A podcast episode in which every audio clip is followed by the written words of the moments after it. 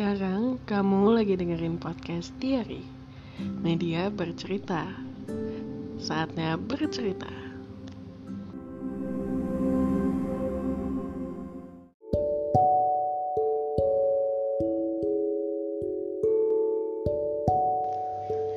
Halo Dearest Gimana nih kabar kamu? Sehat-sehat aja kan? Aku harap keadaan kamu selalu sehat dan baik-baik aja ya. Sebelum mulai, aku mau ngucapin selamat datang di podcast Diary episode pertama ya, Dearest. Semoga podcast ini bisa nemenin kamu yang mungkin lagi jenuh, lagi sibuk kerjain tugas, atau apa pun itu. Nah, di episode pertama ini, aku mau ngajakin Dearest untuk sama-sama bercerita tentang love story nih. Hari ini kita akan membahas topik yang menurut aku mungkin pernah Dearest rasain. Atau kalaupun enggak, mungkin Dearest pernah lihat langsung kejadiannya atau mendengar cerita yang kayak gini. Jadi, biar Dearest gak makin penasaran, Langsung kita mulai aja kali ya podcast Diary episode pertama. Check this out.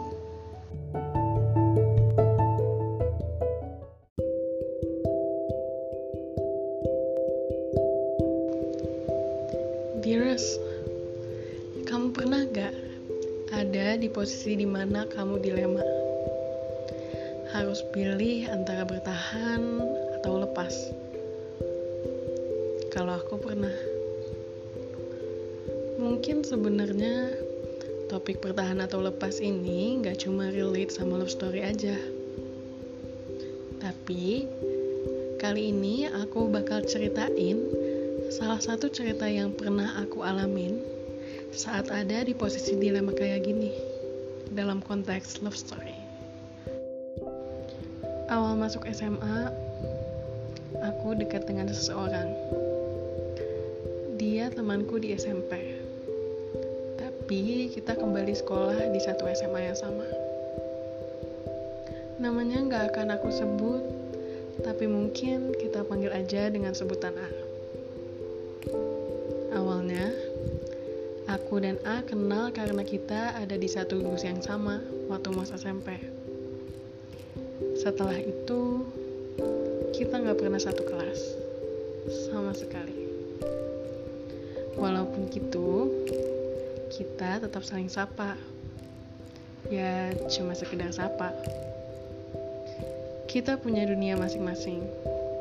A dengan pacarnya dan aku dengan seseorang yang waktu itu sempat dekat denganku. Lucunya, saat itu aku dekat dengan sahabatnya dan pacarnya adalah salah satu partnerku di organisasi.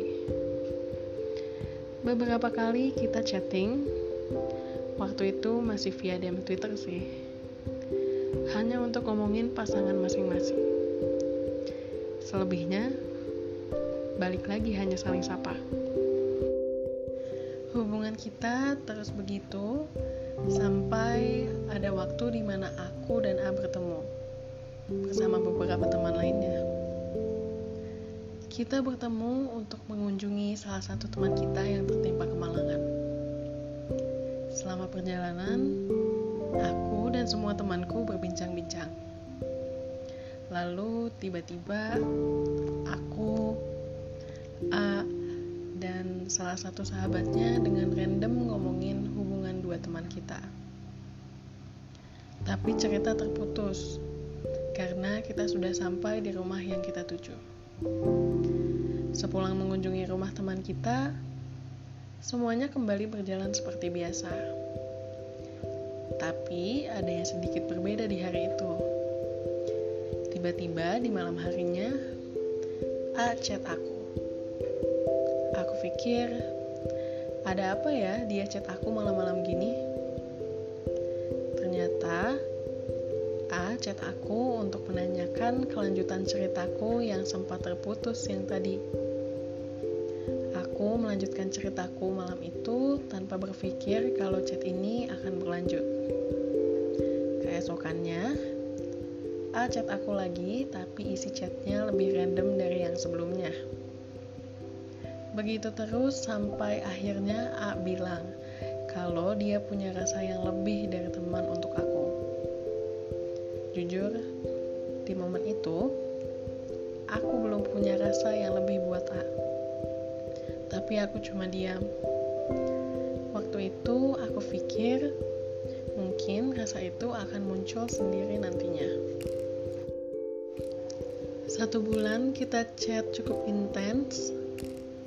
Akhirnya aku mulai bisa membalas perasaannya. Aku mulai sadar juga mulai punya rasa yang lebih buat dia.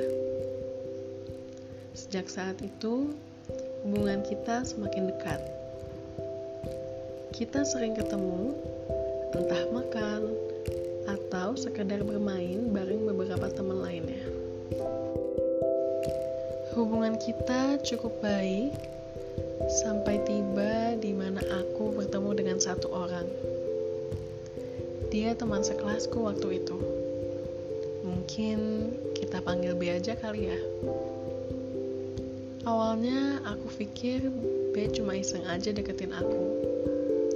Karena B ini emang orang yang supel. Aku menanggapi B hanya sekedar menanggapi, tanpa ada rasa baper sedikit pun. Tapi, salah satu teman B ini kayak kasih kode kalau B ini punya rasa lebih buat aku. Aku nggak ngedengerin teman B ini, Aku pikir B tahu kalau aku dekat dengan A. Dan B pun pernah bilang kalau dia lagi mau ngedeketin seseorang. Aku dan B sering chatting buat ngebahas tugas. Anehnya, chat kita berlanjut. Semakin lama, aku dan B semakin dekat.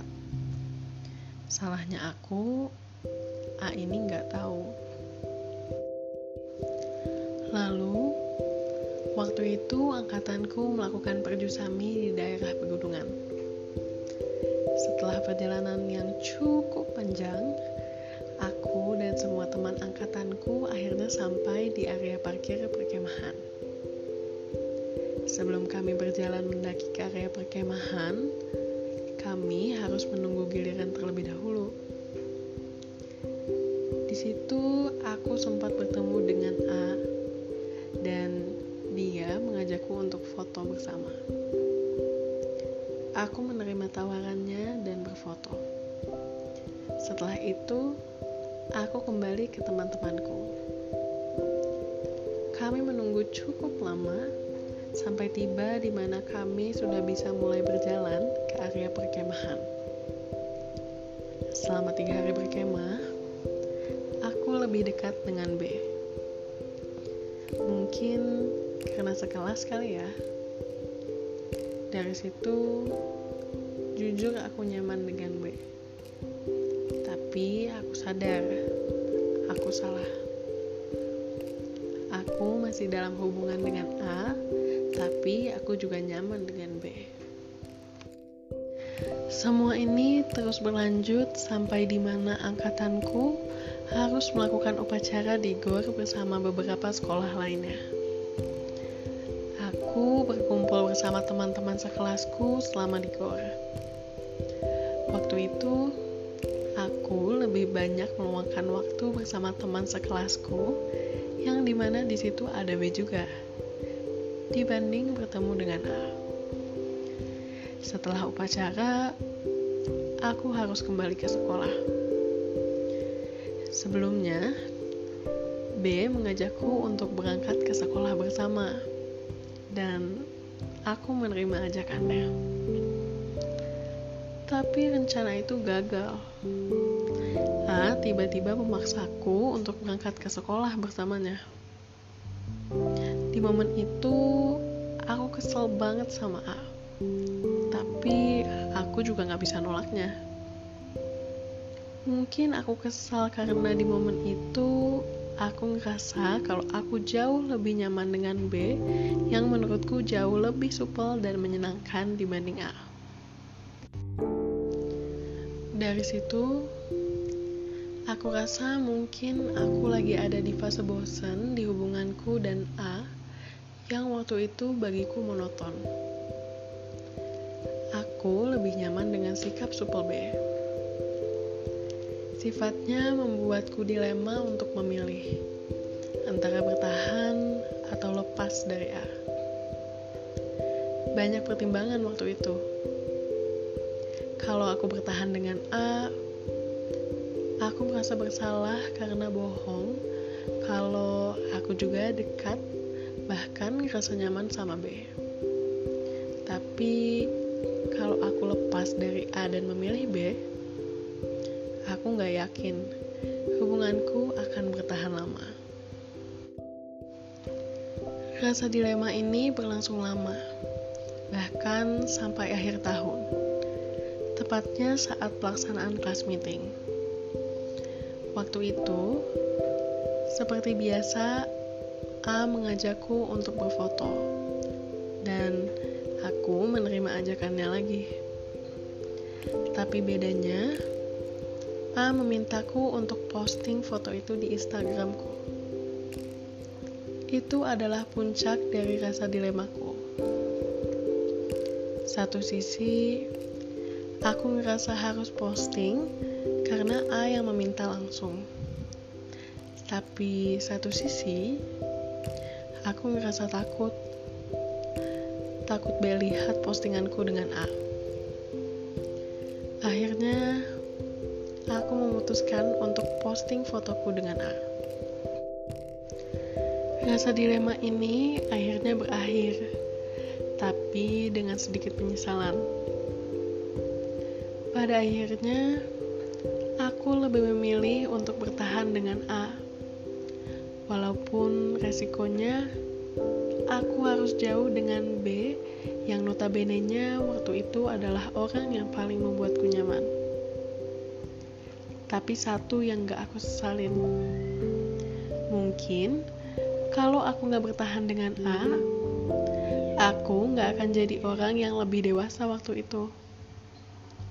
Ya, itulah yang namanya pilihan. Ada resiko yang harus diambil di antara pilihan yang pastinya bikin kita dilema banget. Itu dia cerita bertahan atau lepas versi aku. Yang mau aku sampaikan ke Diras, kalau kamu ada di posisi itu, kamu harus yakin sama pilihan kamu. Di setiap pilihan emang ada resiko. Tapi di balik resiko itu pasti ada pelajaran yang bisa kita ambil. Terima kasih sudah bertahan sampai akhir podcast di hari episode pertama. Semoga podcast ini bisa nemenin hari kamu atau bisa jadi pelajaran buat kamu. Tapi ingat, ambil yang baiknya aja ya. Kita ketemu lagi di podcast diary episode berikutnya ya. See you.